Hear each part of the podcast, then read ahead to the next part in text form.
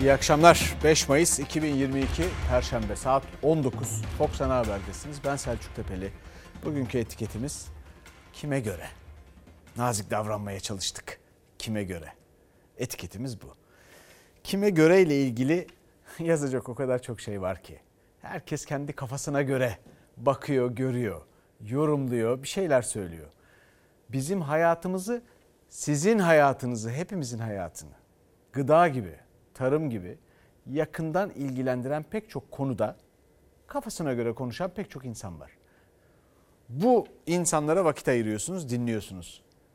Bilhassa haber medyasında. Pek çoğunun bir kök bir şey ekmişliği, dikmişliği, yetiştirmişliği yok. Ama konuşuyor herkes. Hepsi uzman. Siyaset en uzman. Ne kadar zamandır yanılıyorlar? Valla en son iktidardan bahsedersek en az 20 yıldır yanılıyorlar. Bugün bunun neticelerine katlanmak zorundayız. Bunu niye söylüyoruz?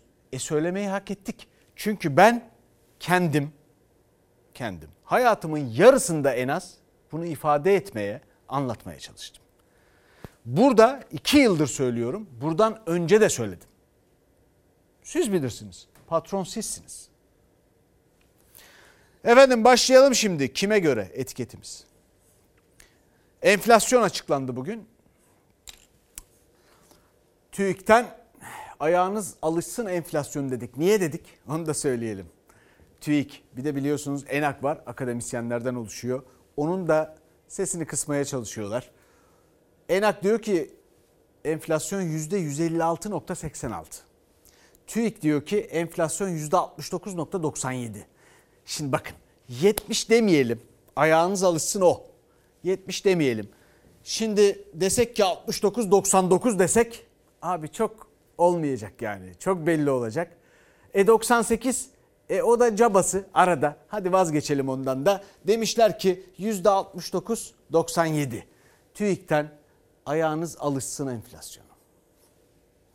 Yat lazım, kat lazım, villa lazım, daire lazım, araba lazım. %5-8 bandında enflasyon aylık artmaya devam ederse 3 ay sonra %100 3 haneli enflasyon görmemiz anlamına gelecek. Tüketici enflasyonu son 20 yılın en yüksek seviyesinde. Üretici enflasyonu ise 27 yıllık rekorunu kırdı. Nisan ayında aylık enflasyon TÜİK'e göre %7,25 arttı. Yıllık enflasyonsa %70 sınırına dayandı. Çarşı pazarda çok da karşılık bulmayan TÜİK enflasyonu bile rekor kırıyorken enflasyon araştırma grubu ENAK yıllık enflasyon %156 %56'yı aştı dedi. Yani resmi rakamların iki katından bile fazla. Özellikle hükümetin güvendiği bir şey var. Yaz aylarında gıda fiyatlarının düşecek olması ve bir de enflasyon e, denetimlerine güveniyorlar. Onun dışında parasal bir önlem yok yani. Gıda fiyatlarının düşmesi için maliyetler hala çok yüksek. Ekim dikim zamanı vatandaşın elinde para yok. Götürüp bir şey e, eksin diksin. Yani üretimde daralıyor. Tüketiciyi daha zor günlerin beklediğinin en net göstergesi üretici fiyat endeksi. Üretici enflasyonu bir yılda %121,82 artarak 1995 Mart'ından bu yana en yüksek seviyeye ulaştı. Merkez Bankası'nın faiz oranlarını düşürmeye başladığı günden bu yana enflasyonda düşüş hiç yaşanmadı. Faiz %19'dan %14'e geldiği için bugün biz o müdahaleleri zamanında yapmadığımız için %70 enflasyon görüyoruz, %100'e doğru gidiyoruz. %19'da faizi tutsalardı bile o 3 aylık travmayı yaşamayacaktık ve bu o gün 8 lira olan kur hadi olsun olsun savaş oldu bilmem ne oldu 10 lira olacaktı ve biz hiç yoksa yani en fazla %30'larda 25'lerde bir fiyat artışıyla karşı karşıya kalacaktık. Şimdi artık kendi kendini büyüten bir canavarımız var. Dar gelirlinin en çok harcama yaptığı iki kalem gıda ve ulaşım. Onlarda enflasyon ortalamanın da üstünde. Gıda enflasyonu yıllık %89,10, Ulaştırma enflasyonu %105,86. Fiyatı yıllık %100'den de fazla artan kalem sayısı 164. Bazı ürünlerde fiyat artışı %600'e kadar çıkıyor. Buna rağmen uzmanlara göre enflasyonun %69,97 olmasının tek nedeni sepetteki sık kullanılmayan ürünler. İstatistiksel olarak hesap %70'e geliyor çünkü içinde bir sürü şey var. Ama vatandaşın daha sık tükettiği mal ve hizmetler daha yüksek seviyede fiyatları artmış mal ve hizmetler oluyor. O yüzden de biz enflasyonu %70 falan değil yani zaten 3 haneli hisseder, hisseder hale geldik. Dünyada yüksek enflasyonda lider ülkeler arasında Türkiye. Enflasyonu Türkiye'den daha yüksek olan ülkelerin sayısı sadece 5. Bereket versin. Efendim lafı uzatmadan söyleyeyim. Bakın zaten uzun zamandır söylüyorum ya. Burada anlatmaya çalışıyoruz. Bir de kanıtlamaya çalışıyoruz. Ya bütün millet, bütün bu ülkenin değerli insanları hep beraber el birliğiyle hükümete laf anlatmaya çalışıyoruz. Anlıyorlar mı? Anlamıyorlar. O vaziyet o ki kendi çıkarlarını korumaktan bile acizler. Bakın bu konuda bile yetersizler. Çünkü insan siyaseten koltuğunu korumak istiyorsa, küçük siyasi hesaplar yapıyorsa bile durumun bu olmasına, bu hale gelmesine müsaade etmez. Ya üç olmazsa biraz kulak verir. Ben size söyleyeyim gelinen durumu. Doktor ne yersen ye dedi. Durum bu. Programın adı da bu. Modeller filan açıklıyorlar ya gözlerdeki ışıltıyla filan. O ışıltıyı görmüyoruz. Twitter'dan açıklama yapıyorlar. Doktor ne yersen ye dedi. Bütün memleketin medyası, haber medyası da TÜİK'in yalancısı. Ne yapıyorlar? 69-97. Ya gerçekten bize bir şey söylemelerine gerek yok. Şu binde 3 için gerçekten şu 70'ten sakınmak için 70 diye görünmesin diye kendi kendilerine başlarını yastığa koyduklarında düşünsünler. Ne kadar uğraştılar, ne kadar mesai harcadılar.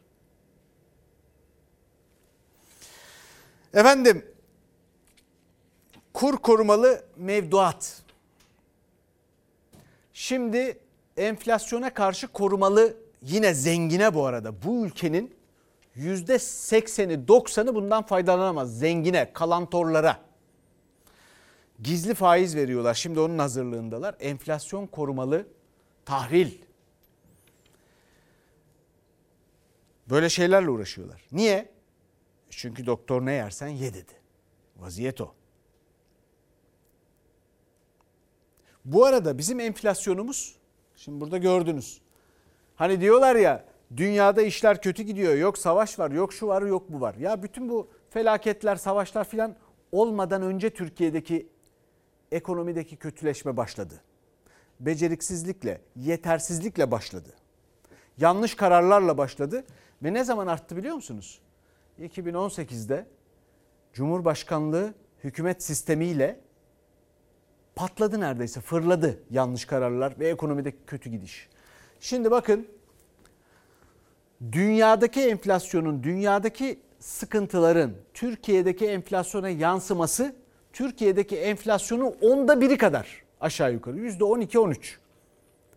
Bunu söyleyen Hakan Kara. Hazinenin baş ekonomistlerinden biriydi eskiden. Yüzde 12-13. Yani yuvarlarsak onda biri kadar. Geri kalanı, geri kalanı bizim yerli milli enflasyonumuz. Bu da onu söylüyor. Kendisi de onu söylüyor uzman. Yanlış kararlarımız, yanlış modellerimiz, gizli faizlerimiz, faizi gizleyeceğiz diye dünyanın faizini veriyoruz. Kime veriyoruz? Bir grup daha da dar, bir kalantor grubuna veriyoruz. Daha zengin bilmem ne. Bütün memleket insanı bu memleketin 85 milyonunun 70 milyon onlar için çalışıyor. Bu nasıl adalet ya? Günah değil mi bu insanlara ya? Ama siz bilirsiniz, patron sizsiniz. Bakın bizden daha kötü enflasyonu olan 5 tane ülke var dünyada şu anda. Venezuela, Sudan, Lübnan, Suriye, Zimbabwe. Görün. Bizden daha kötü, enflasyonda daha kötü olan 5 tane ülke var. Yarın bir gün bu kafayla gidersek onlar bizi geçer. Ondan sonra bugünü hatırlayın. Ondan sonra onu konuşuruz. Efendim devam edelim. Türkiye'deki enflasyonun artması, büyümesi neden biliyor musunuz? Pinokyo'nun burnu niye uzuyorsa işte aynı nedenden dolayı. O yüzden. Bunu size aylar önce, yıllar önce söylemiştim. Faiz niye artıyor? Bu yüzden. Dolar, döviz, şu bu niye artıyor? Pinokyo'nun burnu niye uzuyorsa o yüzden. Enflasyon niye artıyor? Aynı sebepten. Pinokyo. Pinokyo sendromu Pinokyo travması artık ne derseniz. Bakalım şimdi TÜİK'in bu hassas terazisi ne kadar uğraşmışlar. Tek adam rejimi enflasyonu %29'dan almıştı. Bugün enflasyon %69.97, %70'e geldi. Enflasyonu da yeneceğiz. Kardeşim bu enflasyon nasıl düşecek? Enflasyon armut değil ki olgunlaşınca kendiliğinden düşsün. İktidar her açıklamasında fiyat artışlarını durduracağız, enflasyonu da tek haneye indireceğiz diyor ama enflasyon söz dinlemiyor. TÜFE %60,97 üzerinden %70'e dayandı. Muhalefet o rakama da pek inanmadı. Tebrikler TÜİK. Kuyumcu hassasiyetiyle tüketici enflasyonunu %70'e değdirmemişsin. Peki milletin çarşıda, pazarda yaşadığı %150 enflasyonu ne yapacaksınız? Sadece son bir ayda kuru soğan %69, kıvırcık %45, domates %42, tavuk eti %27 zamlandı. Son bir ayda neye zam gelmedi derseniz emeklinin maaşı, çalışanın maaşı. Sizin yalancı Pinokyo TÜİK rakamlarınıza göre bile enflasyon yüzde 69 oldu. Ya çok pahalı her şey yani. Ne yapsın yanıyor ya. Biz şimdi şu anda terme sanayisini geziyoruz. Buradaki her şeyin fiyatı %100'ün üzerinde artmış. Buna rağmen enflasyon nasıl hala %70'lerde kalıyor bunu da anlamak mümkün değil. İyi Partili Erhan Usta Samsun Terme Sanayi sitesinde esnafa da sordu zamları. Ben köylüye hizmet ediyorum. Geçen sene 5 milyara işte traktör motoru çıkıyordu. Bu sene 15 milyar. Çek atladı. Değil mi? Parçalarda %300 artışlar var. Üreticiye göre maliyet artışı 3 kat, TÜİK'e göre de %121 üfe. Bu son 27 yılın en yüksek rakamı. Enflasyonda Tansu Çiller'e denk geldik artık. Hayat pahalılığı sebebiyle alım gücümüz bir parça düşmüş olabilir. Fiyat artışları başta kamu görevlilerimiz olmak üzere sabit gelirlilerin alım gücünü ciddi oranda düşürdü. Gelir dağılımında adaletsizliği artırdı. Eşen mobil sistemi devreye girmelidir. İktidara yakınlığıyla bilinen memur sen enflasyon çalışana yapılan zam oranını geçerse aradaki fark hemen kapatılsın dedi. Eşel mobil sistemiyle yani üstü kapalı Temmuz'u bekleyecek halimiz kalmadı mesajı verdi. Çalışarak para kazanan insanların alım gücünün yok olduğu bir yıkım yaşıyoruz. Fahiş fiyat artışları tüm dünyanın ortak sıkıntısıdır. Türkiye bu sıkıntıdan en az etkilenen ülkelerden biridir. %7,25 aylık rakam. Halbuki gelişmiş birçok ülkede yıllık enflasyonları bizim aylık enflasyonumuzun altında. Afrika ülkelerinde bile yıllık enflasyon bizim aylık enflasyonun ancak yarısı kadar. Memleket batıyor. Sandıkta sizinle hesaplaşacağız. Dünyada en yüksek enflasyona sahip 6. ülke haline geldik. Enflasyon karşısında çoktan havlu atan bu iktidarın vatandaşlara verebileceği tek müjde artık bir seçim haberi olur. Muhalefet ağırlaşan ekonomik tablodan sözü yine erken seçime getirdi. Şimdi bu ülkenin o kadar zeki, kadar güzel insanları var ki bir izleyicimiz mesaj atmış. Diyor ki kime göre o 5 ülkenin enflasyonu bizden yüksek ki? TÜİK'e göre bir daha düşünün bence sıralama, sıralamadaki yerimizi. Ya bir daha düşünün abi.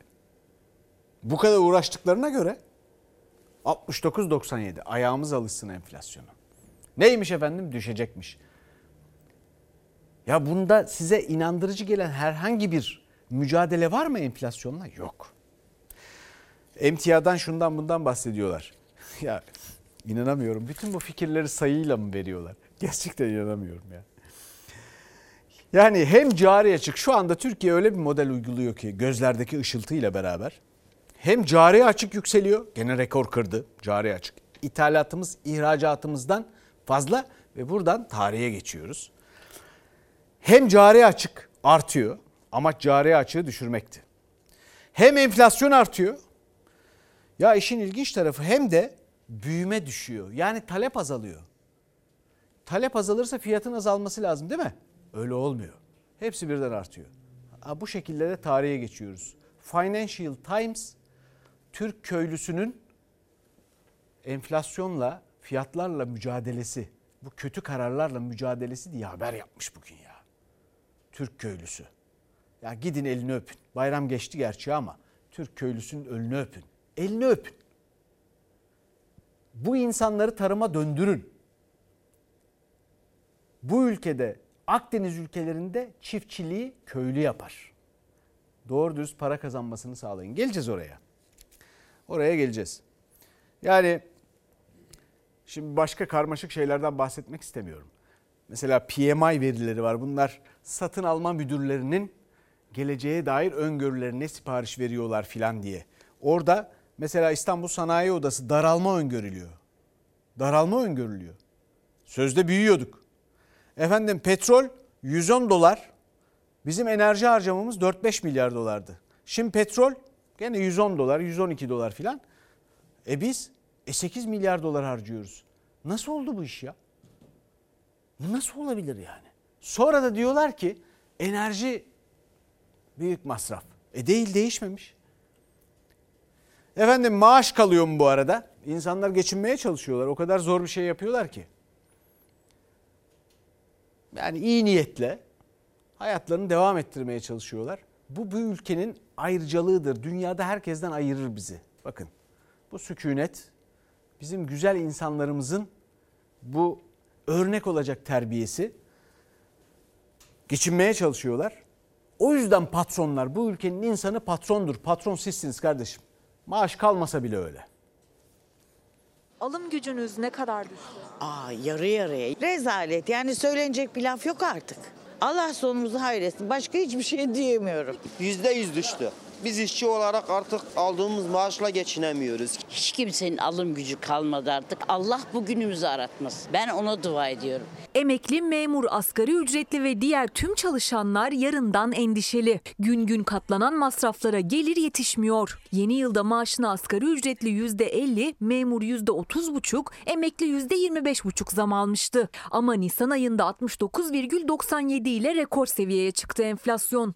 4 aylık enflasyonsa %31,71 oldu. Yani Ocak ayından bu yana gelirinin dörtte birinden de fazlasını kaybetti halk. Sadece ve sadece yol ücretine yapılan zamla beraber almış olduğum zam tamamen erimiş durumda. 25 sene önce Şaban'ın filmine döndük. Alırdık kağıdı kalemi, hesap yapmaya başladık. Artık hesap tutuyoruz, bakıyoruz. E biz eksideyiz. Giderlerimiz yükselmiş ama aldığımız maaş giderlerimizi karşılamıyor. Memur ve emekli Temmuz'da maaşına enflasyon farkı kadar zam alacak. Nisan ayı enflasyon rakamlarına göre şimdiden memur ve memur emeklisine %24,71, SSK emeklilerine de %31,71 zam imkanı doğdu. Ama aynı zamanda sadece 4 ayda %31,71 oranında eridi maaşlar. Bu yüzden alacağı zamma sevinemiyor kimse. Temmuz'a kadar da zaten cepten yemeye devam. Sadece bu 7 kalem üründen oluşan gıda alışverişi için bile 63 lira daha fazla ödenmek zorunda Ocak ayına göre. Alım gücü düştü. Çöktü diyelim biz ona. Düşmeyi geçti artık çöktü dibindeyiz yani. Azalan sadece maaş. Artan? Artan her şey arttı. Gıdalarda düşecek, her şey düşecek denilen nerede? Alım gücümüz bir parça düşmüş olabilir. Cumhurbaşkanı Erdoğan'ın bir parça olarak ifade ettiği alım gücündeki düşüşün ne boyutta olduğunu, o bir parçanın aslında ne kadar büyük olduğunu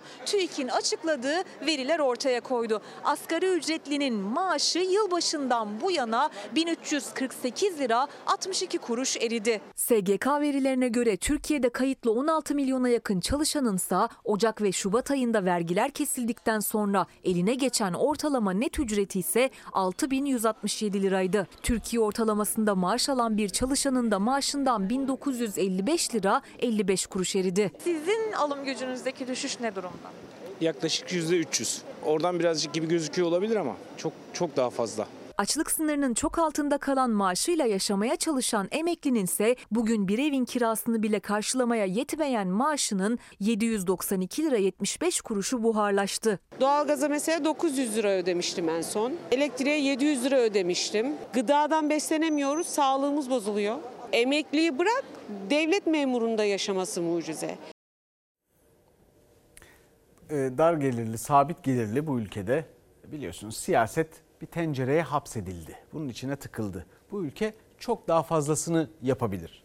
Daha fazlasını ifade ediyor. İmkanları çok daha fazla. Doğru dürüst bir siyasetle bu ülke çok kısa zamanda emin olun Avrupalılar kadar refah düzeyine ulaşır. Avrupa'nın herhangi bir ülkesini söyleyebilirsiniz. Ama işte performans böyle bir şey. Geldiğimiz halde bir takım sözler veriliyor onlar da tutulmuyor. Ne o sözler? Biliyorsunuz Temmuz'da asgari ücret düzeltilecekti. E, çünkü eline geçmeden bakın asgari ücrete. Aralık 2021 217 dolara düşmüştü. Sonra 317 dolara can havliye çıktı. eline geçene kadar eridi. Şu anda 286 dolara indi gene. Oradaki kayıp neden dolayı yaşanan bir kayıp bu? Neden? Siyasetin performansından, iktidarın performansından. Peki başka? Bir söz daha verdiler. Beşinci gün oldu. Kadir Gecesi verdiler. Bir müjde verilecekti. Kime? Emekliye. Çünkü onlar artık yaşayamayacak halde. 2500 diyorlar da onun daha altı var. Daha altında alıyorlar. Alanlar var. Efendim bir düzeltme yapılacaktı. Büyük müjdeydi. Cumhurbaşkanı Erdoğan, efendim Çalışma Sosyal Güvenlik Bakanı Vedat Bilgin söz verildi. Beşinci gün müjde hala yok. Muhtemelen Sayın Cumhurbaşkanımız 1 Mayıs'ta bu konuda da gerekli müjdeleri bütün toplumumuzla paylaşır. 1, 2, 3, 4 gün işte. Bugün 5 Mayıs. Hala yok. Hala yok. Kandırmaca, insanları oyalama kandırmacası. Verilen söz yerine getirmeli diye bir şey vardır yani bir kural vardır. 27 Nisan'da Kadir Gecesi'nde müjdelemişti Çalışma Bakanı. Emekliye yeni bir zam çalışması olduğunu. 1 Mayıs'ta Cumhurbaşkanı açıklayacak demişti. O gün bugündür ses yok. Bir şey de açıklayacağı yok. Temmuz'u bekliyor. Temmuz'u bekliyor. O zaten hakkımızda olan bir şey verecek. Ya hiçbir şeye inanmıyoruz. Açıklıyorlar ya hepsi balon. Yalan, yalan, yalan, yalan, yalan, yalan. Çok yalan dediniz üst üste. Çok çok az bile söyledim. Yalanın dünya kadar yalan. Eğiliyor sonradan gidiyor. Müjde vereyim mi diyor herhalde verme diyor galiba. Ver, ver deseydi herhalde verilirdi. Müjde açıklamasından sonra tarih 1 Mayıs'ı gösterdiğinde de bu görüntü yansıdı kameralara. Ramazan'ın son iftar yemeğinde Vedat Bilgin Cumhurbaşkanı'nın kulağına fısıldadı. Eller duaya açıldı sonra. Emekli de maaş artışı için dua ediyor ama bir gün geçti, iki gün geçti, bayram bitti. Hala o müjdeli haber gelmedi. Hayat devam edeyi, yine devam edeyi. Hayat devam ediyor. Günler akıp gidiyor. Umutla beklenen haber bir türlü gelmek bilmiyor. Emekli de enflasyonun açıklandığı gün pazarda tezgahlara bakıp kara kara düşünmeye devam ediyor. 100 lira olmuş peynir 90 lira 80 lira. Peynir almaya geldim, peynir almadan geri gidiyorum. Evde peynir yok, lor var az bir şey. Ama peynirin tadı başka. Şimdi 1500'den 2500'e çıkarıldı ya en düşük emekli maaşı. Çok. Bozdura bozdura harcarız. Şey oldu mu? Deva oldu mu? Hiç olmadı. Anında bitiyor o aldığımız emekli parası. Nereye gidiyor? İşte şuradan ya aldım 120 lira kilosu. Naturodoje demiş? Misafir gelmiş. Misafirin ayakları çıkmış yorgandan. Fışkınla vurmuş demiş. Ne yapıyorsun hocam? Yorgana göre uzan demiş. Ben de onu yapayım oğlum kızım be. Yorgan peki açıkta kalıyor mu ayaklarınız? E, kal, işte kalmaması için uğraşı caba verir seni. Çabalıyorsunuz. Kaç yaşında? 86. İlerleyen yaşına, hastalıklarına rağmen çabalıyor. Cüzdanını açınca önce bir düşünüyor. Aldığı para üstüne uzun uzun bakıyor emekli. Yılbaşında ücret arttı ama en ucuz et bile %48 zamlandı. Ekmek 4,5 lira oldu. Sadece gıdanın 4 aylık enflasyonu %31. Zaten ameliyat olmuş durumdayım şu anda. Kemoterapi oluyorum. Sağlıklı beslenmek için yetiyor mu bütçe? Yetmiyor tabii. Yetmiyor. Diyaliz hastasıyım da. 3 bin lira çıktı maaşım. Ayda 1 milyon lira şey, ambulansa para veriyor. Çıkartıyorlar beni yukarı. Çıkaramıyorum merdivenden. Geri kalıyor 2000 lira. 2 bin lira elektrik, su, do- doğalgaz. Hesabı yapılmaz yani bunun. Efendim sıkmayalım, hızlanalım biraz. Kira meselesi var. Yeni oranlar açıklandı. Kira sorunu her geçen ay büyüyor. Zam valla hep geliyor yani. Kiraya hep mi geliyor? Tabii geliyor yani. Biz senede normalde senede bir kere geliyor. Artık yani sürekli gelir zamlar. İşte onlar da hani şuna zam geldi, buna zam geldi. Yani zam gelmediği bir zaman yok ki. Kiracılara yine iyi haber yok. Enflasyon rakamlarının açıklanmasıyla Mayıs ayı kira artış oranı belli oldu. TÜFE'nin 12 aylık ortalaması baz alınarak belirlenen kira artış oranı Mayıs ayı için %34,46'ya çıktı. Nisan ayında %29,88 olan zam oranını bile arar oldu kiracılar. Kara kara bu zam oranını nasıl karşılayacaklarını düşünüyor. Tüketicilerin sizin gücünüz yüzde kaça yeter aslında kira artışında? Yani hani bir 15, 12, 13 o civarlar bilmiyorum yani. Hani o civarlar makul. daha makuldür tabii yani %35 nerede şimdi adam 1000 lira kira verse 350 milyon zam gelecek üstüne 2000 lira da yani. Ya adam 3000 lira verirse 1500 lira zam gelecek neredeyse üstüne. Çok iyi miktar bu yani. Çok zorlar insanları gerçekten çok zorlar. 1000 lirada yaklaşık 350 lira zam var kirada. İstanbul'da ortalama 3000 lira olan bir ev için 1050 lira, 4000 lira kira için 1350 lira zam demek bu. Bazı ev sahipleri eski kiracıları için çok daha yüksek zam yaptı. Beylikdüzü'nde 1500 lira kira ödüyordu. Dubai'li ev sahibi Mayıs ayı oranının da üstünde 2000 lira zam istedi. Ev sahibi yani Dubai'li yabancı. E, 3500 lira istedi ben de vermem dedi. İle ev sahibiniz. Konuştunuz mu bu daha düşük bir zam olsun diye? Yani ona ulaşamıyoruz. Burada emlakçı aracılığıyla e, iş yapıyorlar burada. E, emlakçı da tabii kendi isteğine göre Zeytinburnu'na geldim. Şu anda ev buldum. 3000 lira. 3000 liraya buldum öpüp başıma koyuyorum öyle söyleyeyim yani. Yeni kiralanan evlerde fahiş oranlar olunca emlak enflasyonu eski kiracıya da yansıdı. Ocak ayında %19,60 olan kira zammı Mart ayında %26'ya dayandı. Aylardan Mayıs olduğunda %30'u aştı. Çorlu'da oturuyoruz biz İstanbul'da değil. Orada annemler kirada oturuyor. Çocuğa bakıyorlar. Onlara ev tuttuk biz. Onlara kira ödemesi yapıyoruz. 700 lira bir kirası geçen yıl vardı.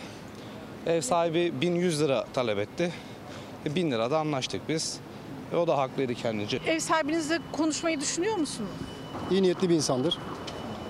Hani ben de otur zamlar yapacağını sanmıyorum. Bu yüksek artışları karşılayamayan birçok kiracı ev sahibiyle anlaşmanın yollarını arıyor. Emlakçı yazmış 8 bin lira kira. Bu akla makla mantık çok saçma bir şey yani. 8 bin lira kira mı olur? Burası Zeytinburnu. Ev sahibinin şu yok. Ev sahibimi de bu duruma iten hükümet. Ev sahibim şimdi bana diyor ki her şeye yüzde yüz zam yapıldı diyor. Ben kalkıp da sana yüzde on, yüzde yirmi zam yapamam diyor. Efendim e, bütün bunların eğlencesiz olduğunu düşünenler var. Olabilir. Bir izleyicimiz de demiş ki sizi biraz safça buluyorum. Haklı olabilirsiniz. Belki biraz safım ama iyi niyetliyim. Söylediğim şeyler ve biz birbirimizi eğlendirmek zorunda değiliz her daim. Ne siz beni ne ben sizi ne de herhangi iki kişi bir aradayken. Bazen susmak, bazen doğruları konuşmak, bazen kederlenmek. Olan bitene bakmak. Mesela gerçeklere, enflasyonu düşürmek için. Çünkü enflasyon sadece gerçeklerle düşer. Başka bir şeyle düşmez. Eğlenerek falan düşmez. Öyle acayip bir durumdayız ki siz bilirsiniz. Bakın 19.60, 29.88, 34 34.46 kira. Kira meselesi. Bunun gibi başka birçok birçok şey var. Birçok gelişme var. Patron sizsiniz. Siz bilirsiniz. Bu saf insanlar böyle davranırlar, böyle söylerler. Benim ne iktidardan, ne muhalefetten, ne de başka herhangi bir insandan bir beklentim var. Durumu anlatmaya çalışıyorum. Çoğunda da haklı çıkıyorum. Ben demiştim dediğim zaman da hadi canım filan diyenler oluyor. Vallahi siz bilirsiniz. Louis Sebastian Mercier'de o da bir saftı. Öyle bir şey söylemişti. Yıl 2440 bir rüya ki hiç görmedik demişti. Bir kitap yazmıştı. 1771'de yazmıştı. Louis Sebastian Mercier. Öyle işte. Biz de öyle insanlarız. Efendim devam edelim. Tarımda öyle bir hale geldik ki hayatında bir şey ekip biçmemiş insanların tarımla ilgili ahkam kestiği bu ülkede Türk tarımını, çiftçiliği köylülükten kurtaracağız iddiasıyla köylülerine hakaret eden insanların ülkesinde bu ülkenin köylülerine şimdi aylardır, yıllardır şunu görüyoruz televizyonlarda, haber kanallarında filan her yerde görüyoruz haber medyasında. Efendim gıda fiyatları nasıl düşer? Böyle düşmez. Bu işe dair en ufak bir fikrinizin olmadığı surette, sürece düşmez. Ne olur peki? Öyle acayip şeyler olur ki gübre kara borsaya düşer, kaçakçılığı yapılır. Gübre ya, gübre diyorum bakın. Bir daha söylüyorum. Hadi Emil Zola'dan alıntı yapayım size. Bugünün bu gübrelerinin buram buram kokusu yarının usaresi olacak. Yarının öz suyu olacak diyor. Öyle de bir şey var. Gübre diyorum. Gübre kaçakçılığını da gördük. Buyurun bakın bakalım.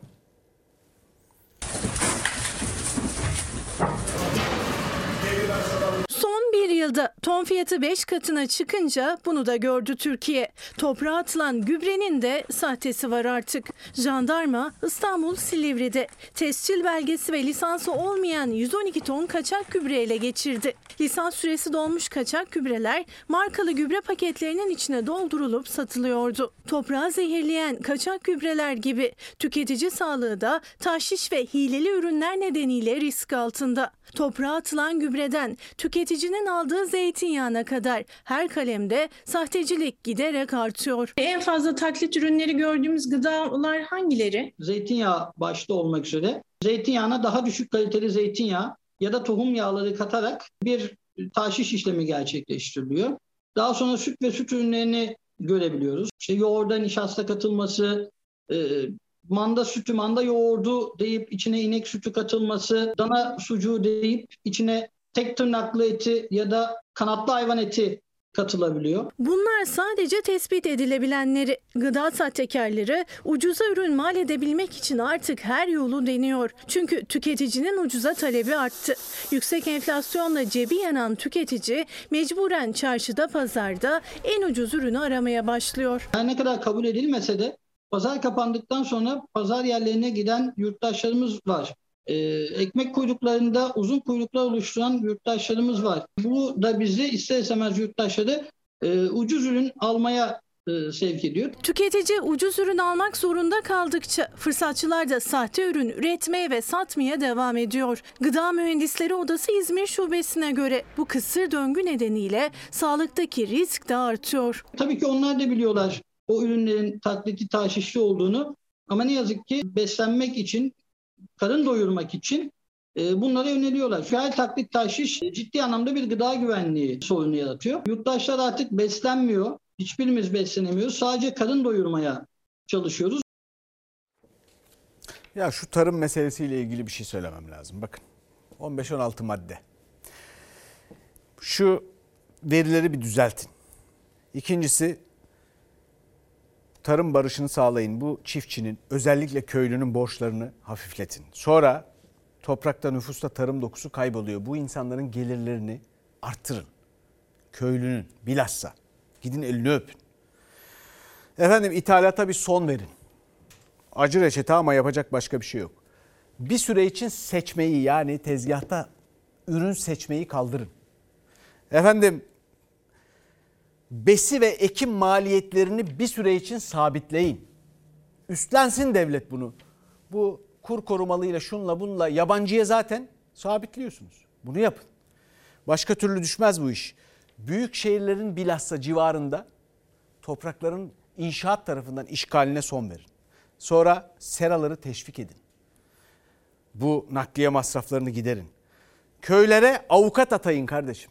Avukat atayın, kamu avukatı. O insanlar zamanında dilekçe veremedikleri için bile kendi hayatlarından kayıplar yaşıyorlar. Bilemiyorlar bu işleri çünkü. Pahalı işler bunlar. Ama bundan memleket de kaybediyor. Köylere avukat atayın. Sonra bu insanların şirketleşmesini sağlayın. Aile şirketleri, küçük şirketler bunun için devlet ön ayak olsun. Muhasebeleşsin, masrafını bilsin bu insanlar. Fiyatlar gerçekçi olsun. Sonra batık tarım tesisleri var. Tırıvırı bu destek diye açıkladıkları şeyler, krediler var ya onları tarım yapan insanlar kullanmıyor. Başka sektörler kullanıyor. Çiftçiye verin bunu. Batan şirketleri, kuruluşları, ahırları, çiftlikleri şunları bunları da köylüyle ortak projeler, melek yatırımcı şu bu neyse artık. Ortak olun, onlar çalışsın ve karını bölüşün. Efendim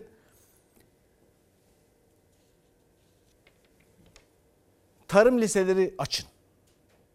İnsanlar teknolojisini öğrensin, makineleşmeyi öğrensin, çocukları bu yöne bu yöne teşvik edin. İşleme, ambalaj, hafif endüstri, türev ürünler çıkartmak için tarımda bunu yapın. Altyapı yatırımları yapın. Köylere soğuk hava depoları yapın. Gene inşaatçılar kazansın ama işe yarasın hiç olmazsa. Ha nerede işe yarasın? Sonra mesela gübre yem üretin biraz ya. Bu kadar dışa bağımlı olunur mu? Şu insanların tapu meselelerini çözün ya. Bu, bu ülkenin çiftçisi, köylüsü kendi toprağına sahip değil. Kredi, kredi alamıyor, hiçbir şey yapamıyor. Efendim bu insanların topraklarını satmasına da mani olun. Bütün bunları yaparsanız belki eksiği var. Fazlası yok. Belki yarın bir gün biraz düzelmeye başlar. Kaynakları nereye aktarmayın? Mesela şuraya aktarmayın. İki yıldır tek uçak inmeyen havaalanının sıra dışı hikayesi. Bakalım. 26 aylık sürede tek bir uçak dahi havayolu terminaline gelmiş değil. E, yolcu gelmiyor havaalanına. Evet doğru. Balıkesir'de bir havaalanı 76 milyon lira harcanarak yıllık 1 milyon yolcu beklentisiyle terminal binası yapıldı. 10 Şubat 2020'de hazır denildi. Ama 26 aydır Balıkesir Merkez Havaalanı'na bir tek yolcu uçağı bile inip kalkmadı. Bu arada havaalanını otlar bastı. Nisan ayında 13 bin lira muammen bedelle bu kez de otların satış ihalesine çıkıldı. Balıkesir Havayolu Terminali'nin son dönemlerde ot ihalesiyle gündeme gelmiş olmasından da büyük üzüntü duyuyoruz. Ot ihalesiyle değil, gerçekleştirilen havayolu seferleriyle gündeme gelmesini talep ediyoruz. İnşaat bitti, devir teslim yapıldı 2020'nin Şubat ayında. Pandemi başladıktan sonra yolcu, sivil yolcu, iç hatlar uçuşu veya dış hatlar uçuşu şeklinde e, yolcu uçuşu yok. Siz buradan İzmir'e uçakla gider misiniz? Hayır. İstanbul'a? Hayır. Hangi maksatla yapıldığını gözden kaçırıyoruz. İki AK Partili vekilden biri pandemi nedeniyle uçuş yapılamadı derken diğeri Balıkesir Merkez Havaalanı terminalinin yolcu taşımak için değil şehre yatırım yapma ihtimaline karşı beklenen yabancı yatırımcılar için inşa edildiğini söyledi. Sözler çelişti, kafalar karıştı. İlk soracağı soru ne? Havalimanı. Yapmışsın bir terminal binası. O olmasa nasıl gelecek bu adam buraya? Buraya yatırım yapar mı bu adam? E demek ki bu havaalanı bunun için yapılmamış kardeş. Merkez Havalimanı çalışmaktadır. 109 tane personeliyle 24 saat e, burada hizmetine devam etmektedir. Özel uçaklar, işte biz Cumhurbaşkanımızı, Sayın Bakanlarımızı hem ağırladık hem buradan uğurladık. İşte AKP iktidarının kamu kaynaklarını nasıl savurduğunu, nasıl boşa harcadığını, nasıl heba ettiğini görüyoruz. O nedenle ülkemizde milyonlarca insanımız yoksulluk içinde, açlık sınırı altında yaşamak durumunda. Muhalefetin kamu kaynaklarını har vurup harman savuruyorlar eleştirileri arasında 2 yıl 2 aydır bir tek yolcu uçağının pistine teker değdirmediği, her tarafını ot basan 109 personeliyle atıl bekleyen havaalanı AK Partili vekil Adil Çelik'in mazereti doğruysa eğer şimdi şehre belki bir büyük yatırımcı gelir umuduyla gün sayıyor. Ah, İhaleye bakın ot. E tabi o otlar boşa gitmesin biçilsin hayvanlara verilsin hiç olmazsa. Gayet tabi bak hayvancılığa nasıl yatırım yapılmış. Çok acayip. Bu arada da geçelim devam edelim biz. Oyalanmayalım zaten biraz önce oyalandık. Hayati bir meseleydi. O yüzden affınıza sığınarak biraz lafı uzattım. Ama ne yapalım? Hayat böyle işte. Gerçekler bazen zaman alabiliyor. Evet. Şimdi bir başka gerçeğe gelelim. Biliyorsunuz sığınmacı meselesi. Biz burada defalarca söyledik. Ne dedik? Ne dedik burada? Bu ülkenin çalışanının değil sadece Cumhuriyet döneminde ya 1870'lerde ilk grev yapıldığı tarihtir bu ülkede çalışanların. Grev yaptığı tarihtir. Bu tarihten beri veya daha öncesinden bu ülkenin çalışanının elde ettiği yasal haklar var. Emekçisinin. Bunları hiçe sayıyorlar. Buraya sığınan insanları da sömürüyorlar.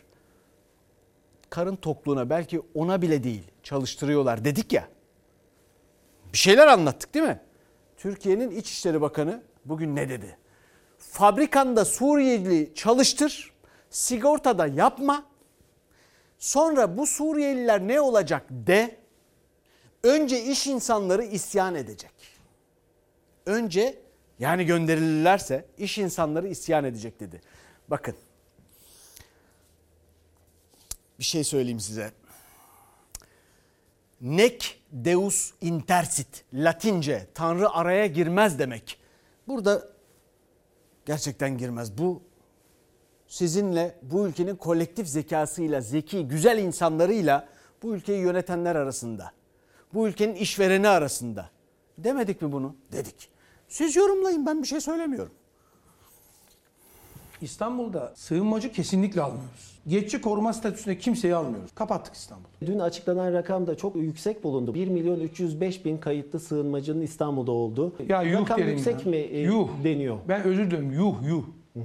Yok 13 milyon sığınmacı. 33 milyon sığınmacı. 53 milyon sığınmacı. Ya bu dezenformasyonlardan, bu yalanlardan bıktık vallahi ya. 500 bin kayıtlı İstanbul'da Suriyeli var. İçişleri Bakanlığı'na bağlı İstanbul Valiliği açıklama yapmıştı bir gün önce. İstanbul'da 1 milyon 305 bin yabancının ikamet ettiğini, Süleyman Soylu sığınmacı yabancı ayrımını koyarak ilk kez itirazını yükseltti. Bakan itiraz ederken yine İçişleri Bakanlığı'na bağlı birimler son 24 saatte Beyoğlu'nda 120 düzensiz göçmen yakaladı. Fatih'te 200 kaçak. Hepimiz buralara geldik bir yerlerden. Nereden geldik? Kim nereden geldi bu coğrafyaya? Ta Moğol steplerinden geldik biz. İstila olacakmış. Kim neyi istila yapacak ya? Bu insanlar buraya çifte telli oynamaya gelmiyorlar. Bu insanlar oradan kaçmışlar. Ama gülmesin de istiyoruz. Doğru kafaları önde dursun. Hiçbir iş yapmasınlar ya. ya biz bunlarla 100 yıl önce aynı milletin insanlarıydık ya. Süleyman Soylu oklarını iş adamlarına çevirdi. Sigortasız çalıştırılan Suriyeliler itirafı ise çok konuşturacak gibi. İyi ya İstanbul'un kenarında otur. Fabrikanda Suriyeliyi çalıştır.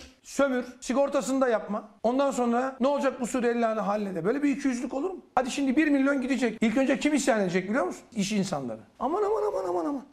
Türkiye'nin son günlerde en sıcak gündemi sığınmacılar, kaçak göçmenler. İktidar 1 milyon Suriyelinin yıl sonuna kadar geri dönüşü için yeni proje hazırlarken 200.950 Suriyelinin Türk vatandaşı olduğunu Bakan Süleyman Soylu açıkladı. Biz her yıl araştırma yapıyoruz. Türkiye'de bulunan Suriyelilerin %70'i Suriye düzeldiği andan itibaren geriye gidecekler. Ben o zaman bizim iş insanlarını göreceğim. Soylu son günlerde sosyal medyanın gündeminden düşmeyen görüntüleri, resimleri bir bir yalanladı. İçişleri Bakanlığı'yla Türkiye'nin milli kimliğine suikast düzenliyorsunuz diye iktidarı suçlayan Zafer Partisi Genel Başkanı Ümit Özdağ hattıysa çok gerildi. Sessiz istila. Bu bir edepsizliktir. Soros taktiğidir finansman. Yargının yapması gereken şu. Eğer bu filmi sen fonladıysan sen bunu nereden fonladın? Bir gün önce Ümit Özdağ'ın sponsorluğunu ben yaptım dediği Sessiz İstila filminin yapımcısı gözaltına alınıp serbest bırakılmıştı. Soylu Özdağ Soros taktiği içinde olmakla suçladı. Özdağ sosyal medyadan Soros taktiklerini kimin uyguladığını biliyoruz dedi, fotoğraflar paylaştı. Özdağ'ın cevabı Soylu'ya sorulmak istenince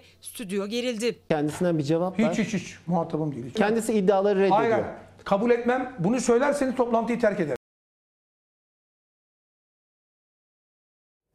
Efendim biz ben kendi adıma söyleyeyim sıkıcı, saf insanlar bir şeyler söylüyoruz. Bunun bir önemi var yok. Hakikaten ne olacak yani. Fakat demin bir şeyden söz ettim.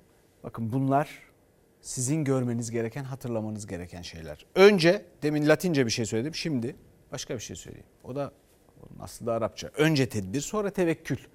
Te- tevekkül bekliyorlar. Tedbir var mı? Yok. Neyse biz kimiz ki? Efendim devam edelim. Neden bahsedeceğiz şimdi? Şundan bahsedeceğiz. Asiye'yi de koruyamadık.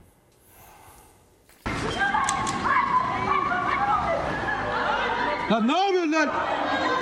Asiye'min yaşadığını kimse yaşamasın.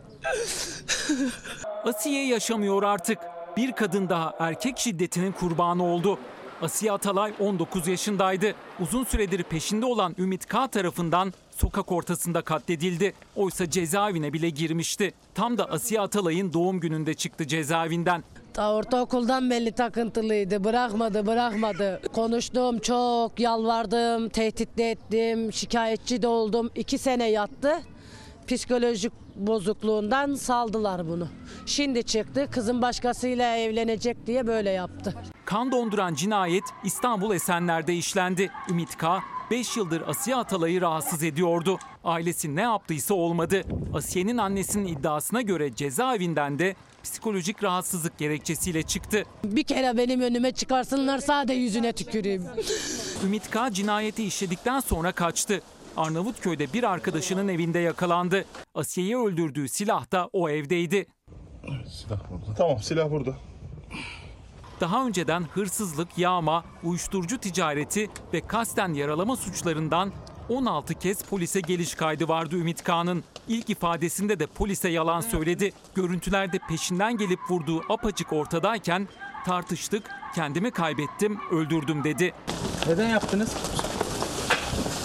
Ümit K. emniyette ifade verirken Asiye Atalay'ın cenazesi de evine getirildi. Ailesinin acısı tarifsizdi. Yakınlarının isyanı herkese tercüman oldu. Yeter!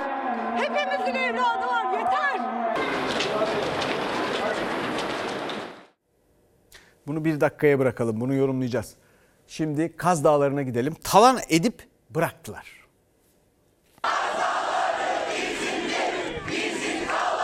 Bizim endişemiz alanın bir an önce rehabilite edilerek tekrar ormana kazandırılmasıydı. Aksi takdirde yeniden bir maden alanı haline gelinebilir, herhangi bir şirkete verilebilir e, endişesini e, taşıyorduk. Yemyeşil bir oksijen deposuyken altın madeni nedeniyle çorak bir araziye dönüşen Kaz Dağları'nda hala ağaçlandırma yapılmadı.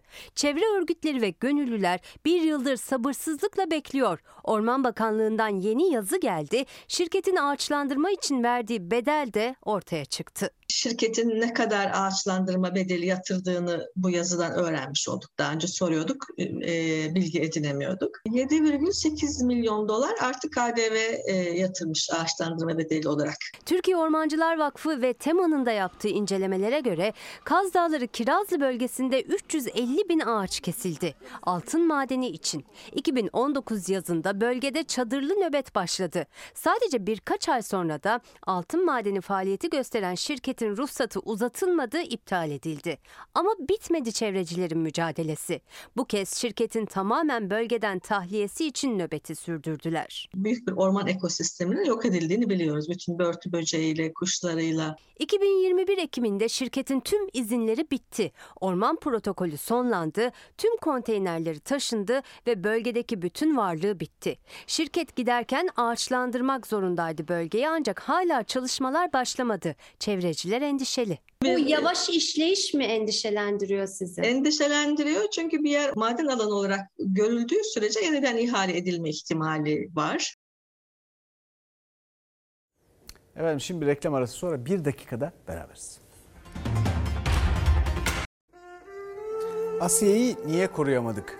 Bu ülkenin kadınlarına karşı şiddet niye devam ediyor? Şimdi Danıştay bir karar verecek biliyorsunuz İstanbul Sözleşmesi ile ilgili. Şimdi bakın yargı ile ilgili bir mesele var Türkiye'de. Siyaset hesap vermek istemediği için yargının da hesap vermesini sağlayamıyor. Sağlamıyor. Birbirlerini böylece kolluyorlar. İki tane değerli hukukçu Ece Güner Toprak Par Güçlendirilmiş Parlamenter Sistem kitabı. Demokrasi Fırsatı. Bir başka hukukçu Türkiye'nin orta demokrasi sorunları ve çözüm yolu. Türkiye'nin bir orta demokrasi sorunu var. Ece Güner Toprak diyor ki Danıştay karar verecek İstanbul Sözleşmesi ile ilgili ama sözleşmenin faydalı olup olmadığına karar vermeyecek. Türkiye Büyük Millet Meclisi zaten bunun faydalı olduğuna karar vermiş diyor. Hem de oy birliğiyle milli irade diyorlar ya. Türkiye Büyük Millet Meclisi'nden daha ötede milli irade mi var? Hala karar vermedi Danıştay bekliyoruz. Anayasaya aykırı. Cumhurbaşkanının yetkisi yok. Efendim bir imzayla bütün uluslararası anlaşmalardan çıkabilir mi çıkamaz mı? Ne verecek? Asya'yı böyle koruyacağız. Başka yolu yok. Bizden sonra mahkum var dizi yeni bölümüyle. Efendim yarın görüşmek üzere. İyi akşamlar. Sen dost ararsan koş